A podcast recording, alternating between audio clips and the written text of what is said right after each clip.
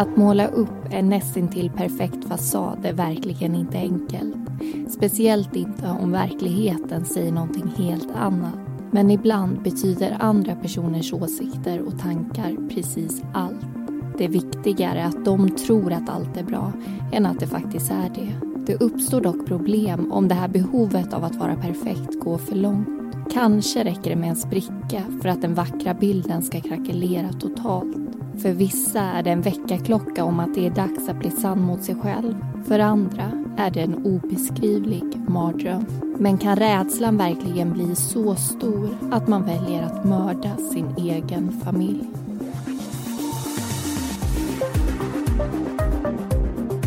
Du lyssnar på Mordpodden, en podcast om den mörka verkligheten. I veckans avsnitt berättar vi om filmjölksmordet.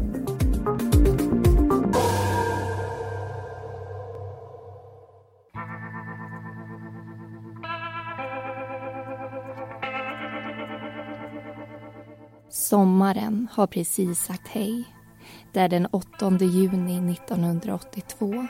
Yngve kommer äntligen hem till villan i Västra Frölunda efter en lång och hård arbetsdag. Klockan har redan hunnit bli halv åtta.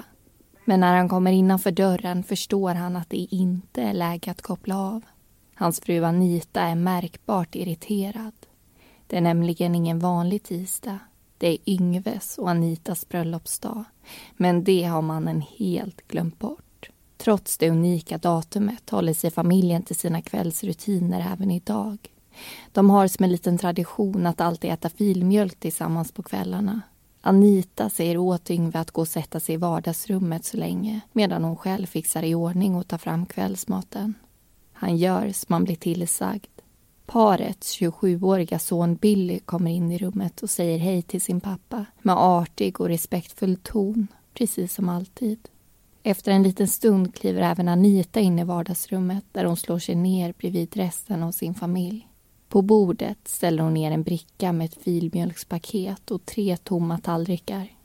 Yngve, som har problem med magen, häller i vetekli i sin skål som han blandar med den syrade mjölken. Han doppar ner skeden i tallriken och för den första skopan till munnen. Men så fort han smakar känner han att någonting är fel. Filmjölken smakar rent ut sagt pyton. Han gör ett försök till, men kan inte ens förmå sig att svälja den andra skeden utan spottar ut kvällsmaten i tallriken. Även sonen Billy verkar uppleva samma sak. Han smakar bara pyttelite av tallrikens innehåll innan också han spottar ut det lilla han fått i munnen. Anita blir irriterad.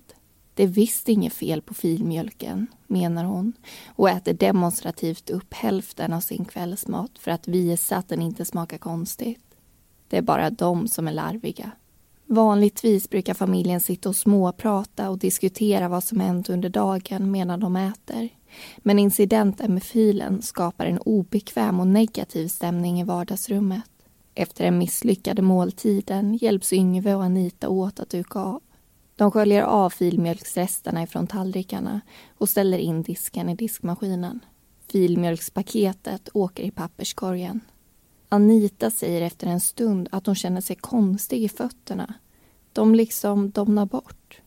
Paret har separata sovrum och går och lägger sig i sina respektive rum ganska tidigt den här tisdagskvällen. Men innan Jan Blund kommer förbi och utför sin sömnmagi på Yngve hör mannen hur hans fru ligger och hostar inne hos sig.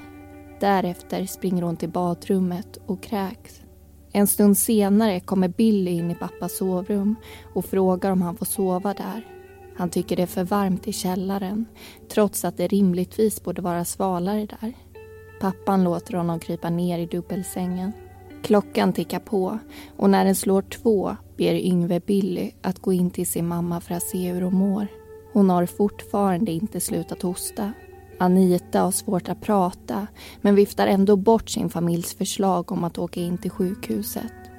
Till slut lyckas de dock övertala henne och en ambulans kör henne till Salgrenska sjukhuset tidigt på onsdagsmorgonen. Strax efter att hon kommer dit tappar hon medvetandet och drabbas av en nästan total förlamning. Läkarna förstår på symptomen att hon måste ha blivit svårt förgiftad. Två dagar senare blir även Yngve inlagd som patient. Han har kraftig smärta i båda benen, svår värk i nedre delen av ryggen och bristande svettfunktioner. Även han har svårt att röra sina ben och armar. Men det är frågan om en betydligt mindre förlamning än hustruns.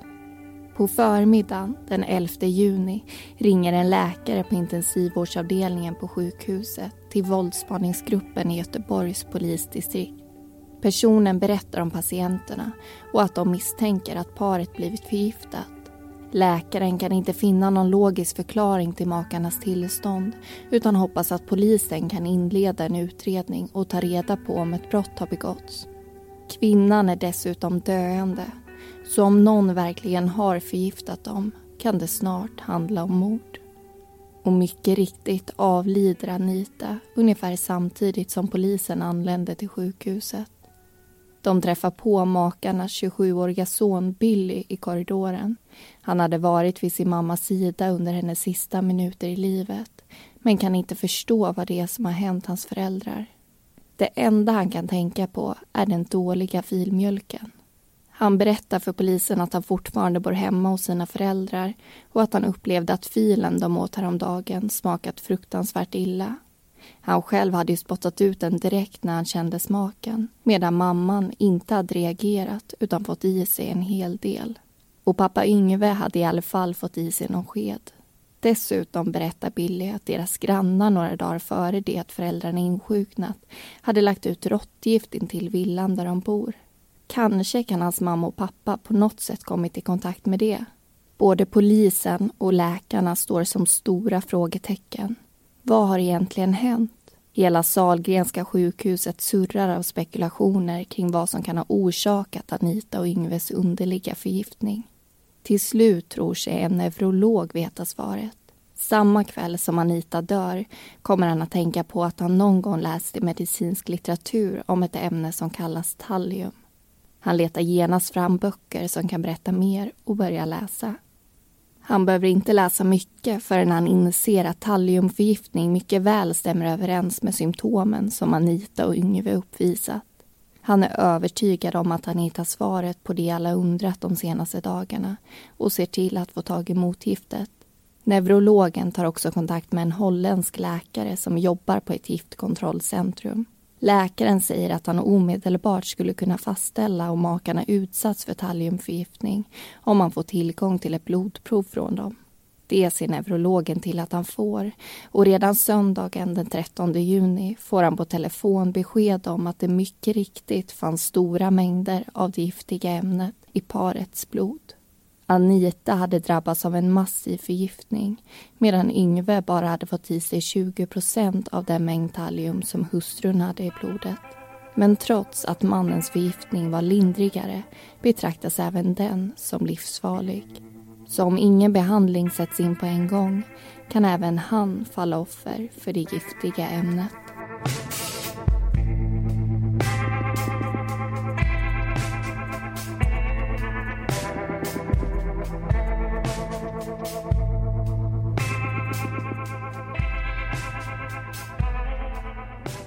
Där hörde vi precis första delen av filmjölksmordet och som vanligt så ska vi stanna upp i berättelsen och dela med oss av mer information här i studion. Och vi som gör den här podden och som kommer prata de närmaste minuterna heter Linnea Bolin och Amanda Karlsson.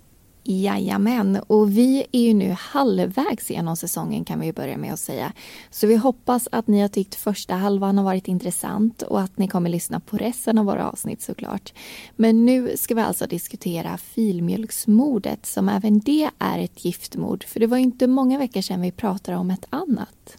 Nej, i avsnitt tre av den här säsongen så berättade vi om ett fall där en ung man förlorade livet efter att ha fått i sig en överdos av GHB. Och det visar sig att det är någon i hans närhet som har förmått honom att dricka det här utblandat med sprit. Så in och lyssna på det vet jag efter det här avsnittet om du missat det. Men någonting jag tycker vi måste prata mer om när det kommer till just det här fallet. Det är det giftiga ämnet som Anita och Yngve förgiftades av. Det heter alltså tallium. Så mycket vet vi så här långt men det finns ju mer att berätta. Ja, för vi visste ju i stort sett ingenting om det här ämnet innan vi började med researchen inför det här avsnittet. Och jag tänker att det säkert är många av er som lyssnar också som inte heller har riktigt koll på vad det här är. Och med tanke på att Tallium är lite av huvudrollen i det här fallet så ska vi förklara vad det är för ämne helt enkelt. Absolut. Det här ämnet det upptäcktes av en engelsman på 1860-talet. Och Den här mannen han var kemist och när han provade ämnet på sig själv så insåg han att det var jättebra på att ta bort hår och även motverka svettningar. Så tallium användes faktiskt under flera årtionden som hårborttagningsmedel och medicin mot svettningar. Och nu när man vet vad som hände Anita och Yngve känns ju det här rent spontant väldigt farligt. Mm. Och det skedde också flera olyckor under 1800-talet på grund av överdosering. Så många människor avled efter att ha behandlats med tallium och man upptäckte också att det här ämnet kunde ge mentala skador. Men de här dödsfallen var alltså rena olycksfall. Man använde tallium i god tro om att det skulle ge en positiv effekt för de här människorna. Men i Anita och Yngves fall har det alltså använts för att medvetet skada dem. Och det är inte första gången tallium används för det. Nej, både USA och Tyskland har ju flera exempel på mordfall där gärningspersonerna använt det här ämnet just för att förgifta sina offer. Men något som förvånade mig när jag började läsa om tallium det är att det är smaklöst. För både Billy och Yngve sa ju att filmjölken smakade väldigt illa och att det var därför de spottade ut den. Och det kan man ju tycka är lite märkligt om det inte smakar någonting. Och Det tyckte ju även utredarna var konstigt så de kontaktade ju tillverkaren i Västtyskland och frågade just om tallium tillsammans med filmjölk kunde få en effekt som gjorde att filen smakade illa. Men eh, tillverkaren de kunde ju varken svara ja eller nej på den här frågan för det är väldigt svårt att testa och avgöra saken eftersom det ändå är ett så pass giftigt ämne. Men en annan relevant fråga i sammanhanget det är ju om det är lätt att få tag i tallium. Men det kan vi säga, det är det inte. Enligt grossisten i Sverige så såldes ämnet i stort sett bara till forskare på olika medicinska institutioner. När utredarna undersöker det här så får de veta att tallium bland annat sålts till institutionen vid Sahlgrenska sjukhuset och det är ju såklart väldigt intressant. Mm. Och nu vet vi lite mer om Talium, men eh, innan vi går in på nästa berättelse så vill vi också tipsa om en podd, nämligen Knoddpodden. Ja, och det här är ju lite speciellt för mig får vi ändå säga. För samma vecka som det här avsnittet släpps så är mitt första barn beräknat att komma. Så antingen så sitter jag här med en liten bebis eller så väntar jag för fullt. Men hur som helst så känns ju den här podden väldigt läglig för mig att lyssna på. Den handlar helt enkelt om hur vardagen med barn ser ut och om det som föräldrar pratar med varandra om. Veckopeng, grönsaker, resor, ja allt sånt som jag säkert också kommer tänka mycket på snart.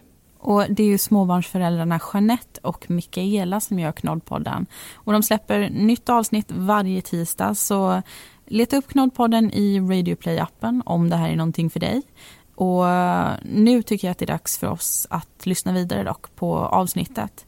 För eh, polisen de får ju ganska snabbt en huvudmisstänkt.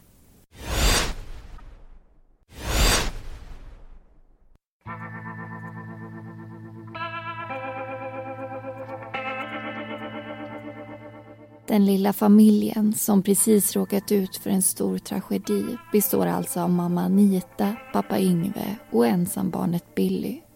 Yngve jobbar som verkställande direktör för ett mindre företag i Göteborg medan Anita är hemmafru. Efter studenten hade Billy planer på att läsa teologi men pappan tyckte att det vore bättre för sonen att studera medicin. Billy hade alltid sett upp till sin far och följde därför hans råd. Han gjorde vad han kunde för att vara en så perfekt son som möjligt. Han var ambitiös och levde ett väldigt stilla och skötsamt liv, precis som resten av familjen. När Billy och hans föräldrar drabbas av förgiftningen har han redan läst tre läsår på medicinska fakulteten i Göteborg. Det mesta i polisens utredning pekar mot att familjen blivit medvetet förgiftade och snart riktas misstankarna mot Billy själv. Man tror nämligen att han som medicinstuderande haft möjlighet att få tag i tallium som är ett väldigt ovanligt ämne. Men snart blir utredarna förvirrade. Billy insjuknar nämligen även han med liknande symptom som sin pappa. På Salgrenska sjukhuset konstateras det att han precis som sina föräldrar drabbas av talliumförgiftning. Men han är den som klarar sig lindrigast undan.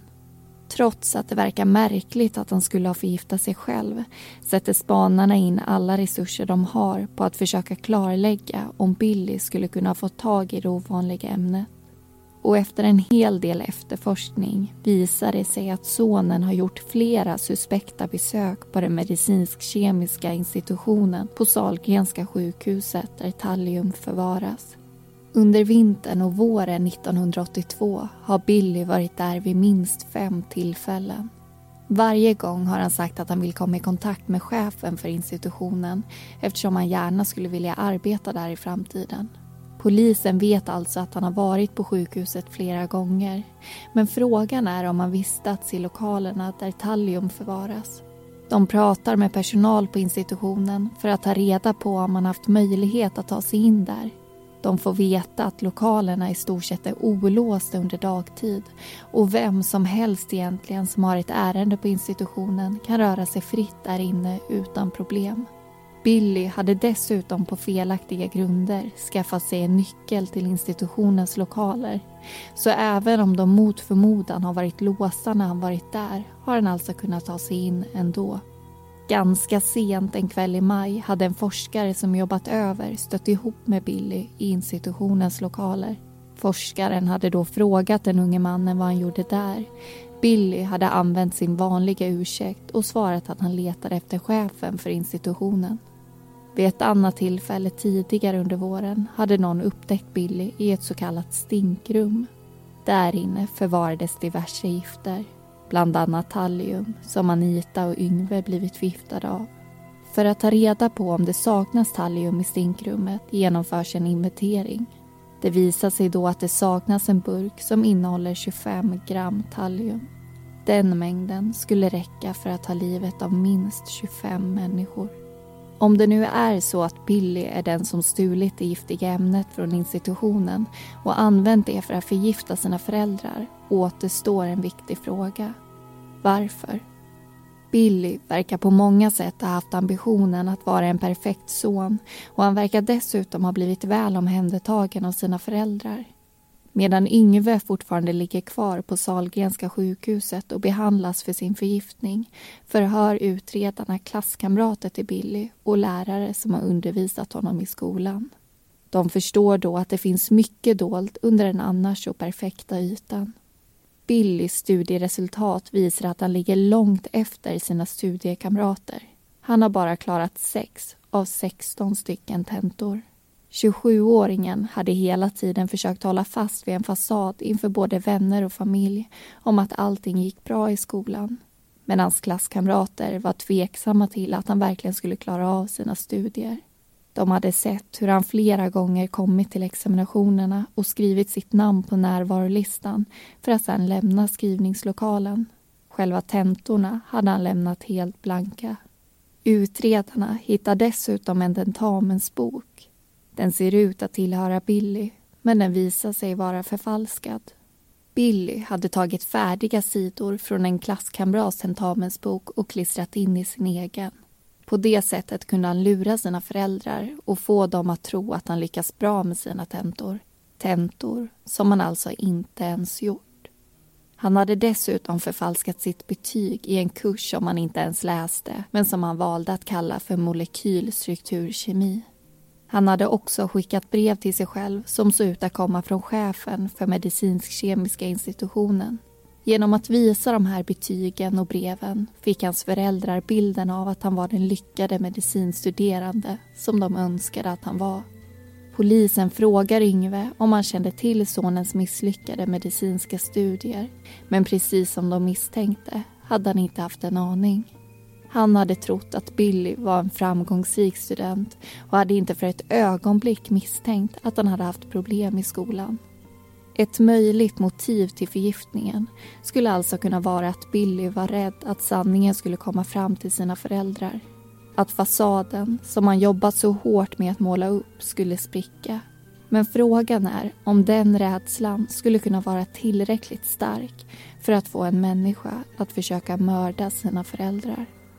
Den 12 juni spärras familjens villa i Göteborgs västra stadsdelar av. Det har blivit dags för en omfattande teknisk undersökning. Förhoppningsvis har bostaden någonting att säga som hjälper polisen framåt i jakten på sanningen. Det giftiga och ovanliga ämnet tallium hittas på flera olika ställen. Bland annat på vattenlås, i diskhon i köket, i en toalettstol, i dammsugaren och i dammprov tagna från Billys rum. I köket finns två tomma filmjölkspaket. Resterna skickas till Statens kriminaltekniska laboratorium som informerar om att ett av filmjölkspaketen innehåller spår av tallium. Billys talliumförgiftning visar sig vara ganska lindrig. Han har bara fått i sig en femtedel av den mängd som Yngve hade i kroppen och hans tillstånd betecknas inte som livshotande. Men det innebär inte att den smyger obemärkt förbi. Tvärtom. Billy får precis som sin pappa värk i benen och liknande domningar. Han tappar också allt sitt hår på huvudet. Men måndagen den 21 juni är han så pass frisk att han kan hämtas till förhör. Billy tar med sig sin pappas kavaj. När den visiteras på polishuset hittar man någonting i fickan. En liten medicinburk. Den är tom men etiketten skvallrar om att den tidigare innehållit gift.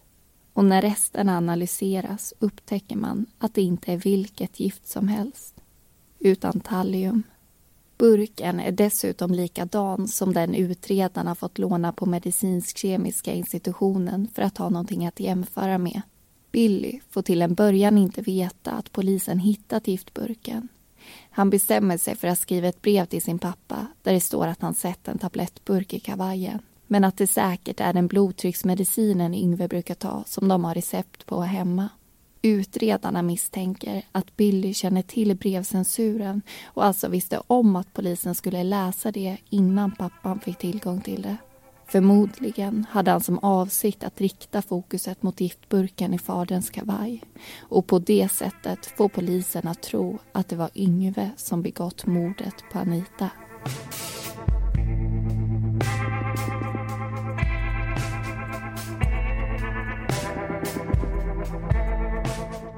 Du lyssnar på Mordpodden.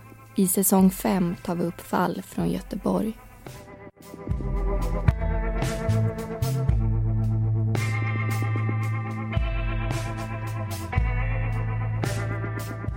Välkommen tillbaka in i studion. Du hörde precis andra delen av filmjölksmordet. I den här diskussionen ska vi prata mer om den här familjen tänkte vi och vad de har varit med om.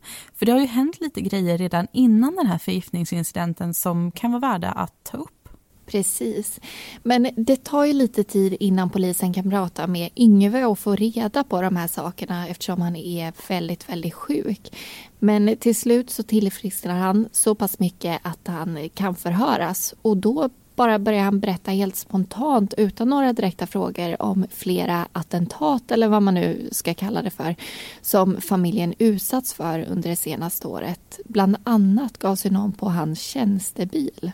Ja, och Yngve hade ju varit iväg på en tjänsteresa och under tiden så stod hans tjänstebil parkerad vid Landvetters flygplats. Och när han kom tillbaka från resan så hoppade han in i bilen och tänkte åka hem till Göteborg. Men eh, då upptäckte han att ena framhjulet satt löst och när han tittade närmare så såg han att alla muttrarna de hade lossats på och det var inte så konstigt att det hjulet inte satt fast. Nej, och det var alltså någon som saboterat bilen medan han var borta. En tillfällighet kanske att någon gav sig på just hans bil men han tror själv att det har att göra med att han är företagsledare. Och alla de här händelserna anmälde han till Säkerhetspolisen i Göteborg för det hände ju mer märkliga saker. Ja, en annan gång så var det ju sonen Billy som upptäckte någonting.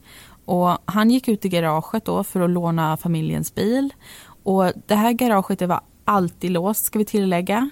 Och han såg då att flera hjulmuttrar var lossade och låg på motorhuven på bilen. Och den här händelsen uppfattade ju Yngve också som ett sabotage just riktat mot familjen.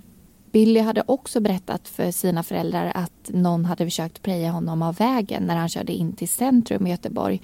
Han lyckades undvika en olycka men påstod alltså att någon med flit hade försökt göra honom illa.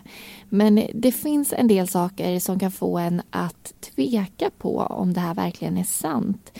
Billy hade nämligen en förmåga att fantisera ihop och överdriva historier. Mm. Och Det är hans klasskamrater som berättar om det här. De säger att han fantiserat ihop flera dramatiska händelser som han... Head over to Hulu this March where our new shows and movies will keep you streaming all month long. Catch the acclaimed movie All of us strangers starring Paul Mescal and Andrew Scott. Stream the new Hulu original limited series We were the lucky ones with Joey King and Logan Lerman.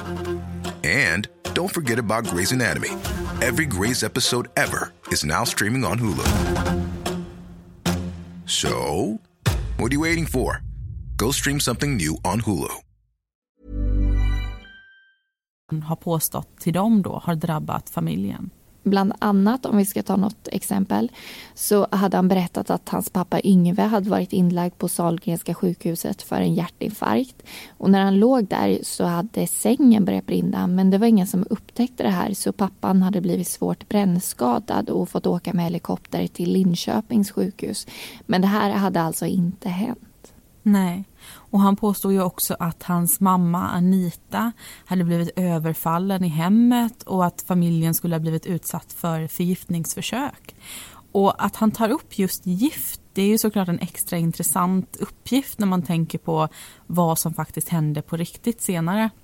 Ja, och han hade sagt till sina klasskamrater att det här förgiftningsförsöket då hade skett i samband med att någon gjort inbrott i familjens hus.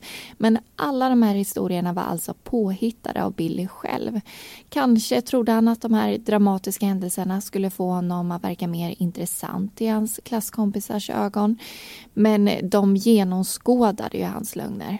Och de berättar ju också att Billy ofta skröt för dem om sina lyckade studier som vi ju vet nu inte var speciellt lyckade. Och också att han gärna ville vara i centrum. Det finns mycket mystik kring Billy alltså.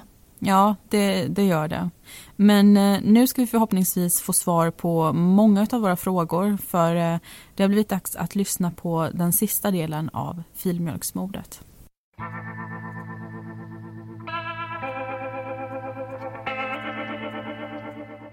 När Billy förhörs erkänner han att han ljugit om sina studieresultat och förfalskat både sin tentamensbok och handlingar. Han berättar att anledningen till sitt beteende var att inför sina föräldrar måla upp en fasad av att han var en framgångsrik student som han så gärna ville att de skulle tro att han var. Han hoppades kunna bygga upp ett alibi för ett studieuppehåll så han kunde läsa in de ämnena han ännu inte klarat av. Billy erkänner också att han flera gånger besökt den medicinsk-kemiska institutionen och att han genom att ljuga lyckas få tag i en nyckel. Den här nyckeln hittas också i familjens bostad vid en husrannsakan. Billy erkänner alltså både besöken på Sahlgrenska och hans misslyckade studier som polisen ser som ett möjligt motiv. Men mordet på sin mamma och mordförsöket på sin pappa förnekar han Trots det häktas han för brotten. Under den första tiden på häktet är han så pass sjuk att han själv menar att han inte kan gå. Förhörsledaren får därför transportera honom fram och tillbaka till förhörsrummet i en rullstol. Billy är hela tiden artig och tillmötesgående vid samtalen, men han får det tufft. Det är nämligen inte bara nyckeln som hittas i hemmet. I Billys byxor som han haft på sig kvällen när föräldrarna blev förgiftade hittas näsdukar.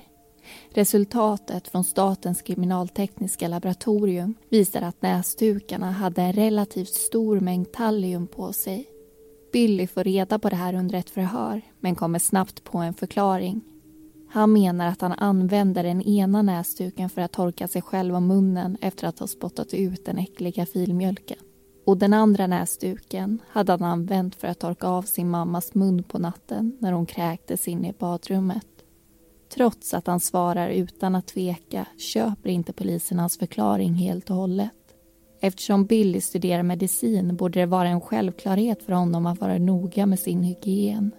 Att stoppa smutsiga näsdukar med matrester och uppstötningar i sina egna byxfickor känns därför inte som en rimlig handling. Och det var inte bara näsdukarna som hade talgen på sig. Även den t-shirten som han haft på sig under kvällsmåltiden hade spår av det farliga ämnet. Billy påstår att han måste ha råkat spilla filmjölksrester på sig. Under häktningstiden och förhörsperioden är det också dags för Anita att begravas. Billy vill gärna vara med och hans pappa tycker det är en självklarhet att sonen ska få närvara. Utredarna blir förvånade men går med på det under förutsättningen att även förhörsledaren följer med. Under själva ceremonin är kyrkan nästintill fullsatt med ett 50-tal gäster. Billy hade så gott det gick varit delaktig i planeringen. Han hade haft mycket att säga när det kom till gästlistan och dessutom skriftligt via förhörsledaren lämnat flera olika önskemål till begravningsentreprenören. Fram tills begravningen hade sonen påstått sig mått extremt dåligt och inte haft förmåga att röra sig utan hjälp. Men passande nog tillfrisknar han lagom till begravningen och kan plötsligt utan problem ta sig in i den fullsatta kyrkan tillsammans med förhörsledaren. Det fanns vissa orosmoln kring om Billy verkligen skulle klara av begravningen psykiskt. Men trots att hans mamma gått bort visar han inga yttre tecken på förtvivlan eller sorg under själva ceremonin. I förhörsledarens ögon liknar begravningen mer ett välregisserat skådespel med pappa och son som huvudaktörer snarare än en sorgehögtid som det borde vara. Efter ceremonin serveras det middag till alla gäster. Billy uppträder korrekt och balanserat och småpratar artigt med alla runt omkring sig. Han är skicklig på att konversera och undviker allt som har med brottet att göra. När det är dags för honom att gå tackar han och omfamnar flera av gästerna. En situation som kan anses vara absurd med tanke på att han är häktad för mordet på den personen alla är där för att sörja. Billy har aldrig erkänt att han förgiftat sina föräldrar och han har därför inte heller gett något svar på frågan varför.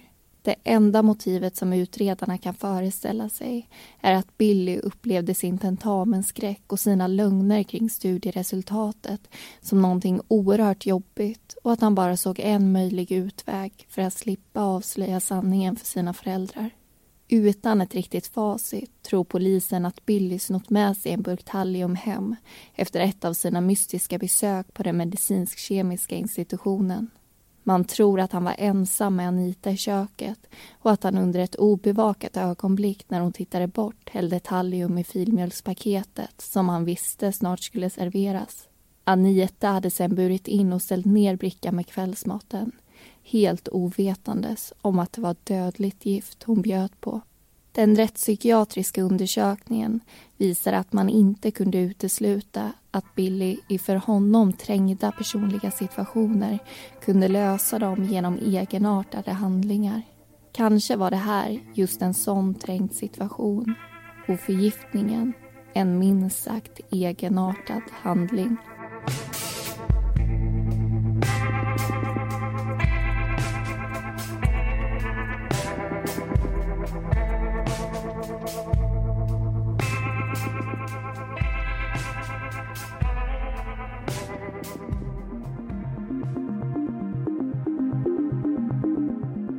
Billy dömdes till sluten rättspsykiatrisk vård för mordet på sin mamma och mordförsöket på sin pappa.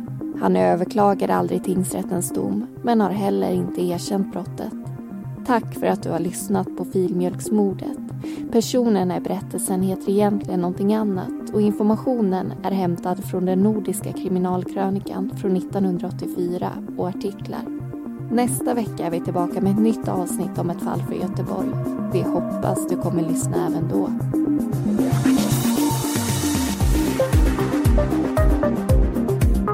Du har lyssnat på Mordpodden. Vi som har gjort den heter Amanda Karlsson och Linnea Bolin.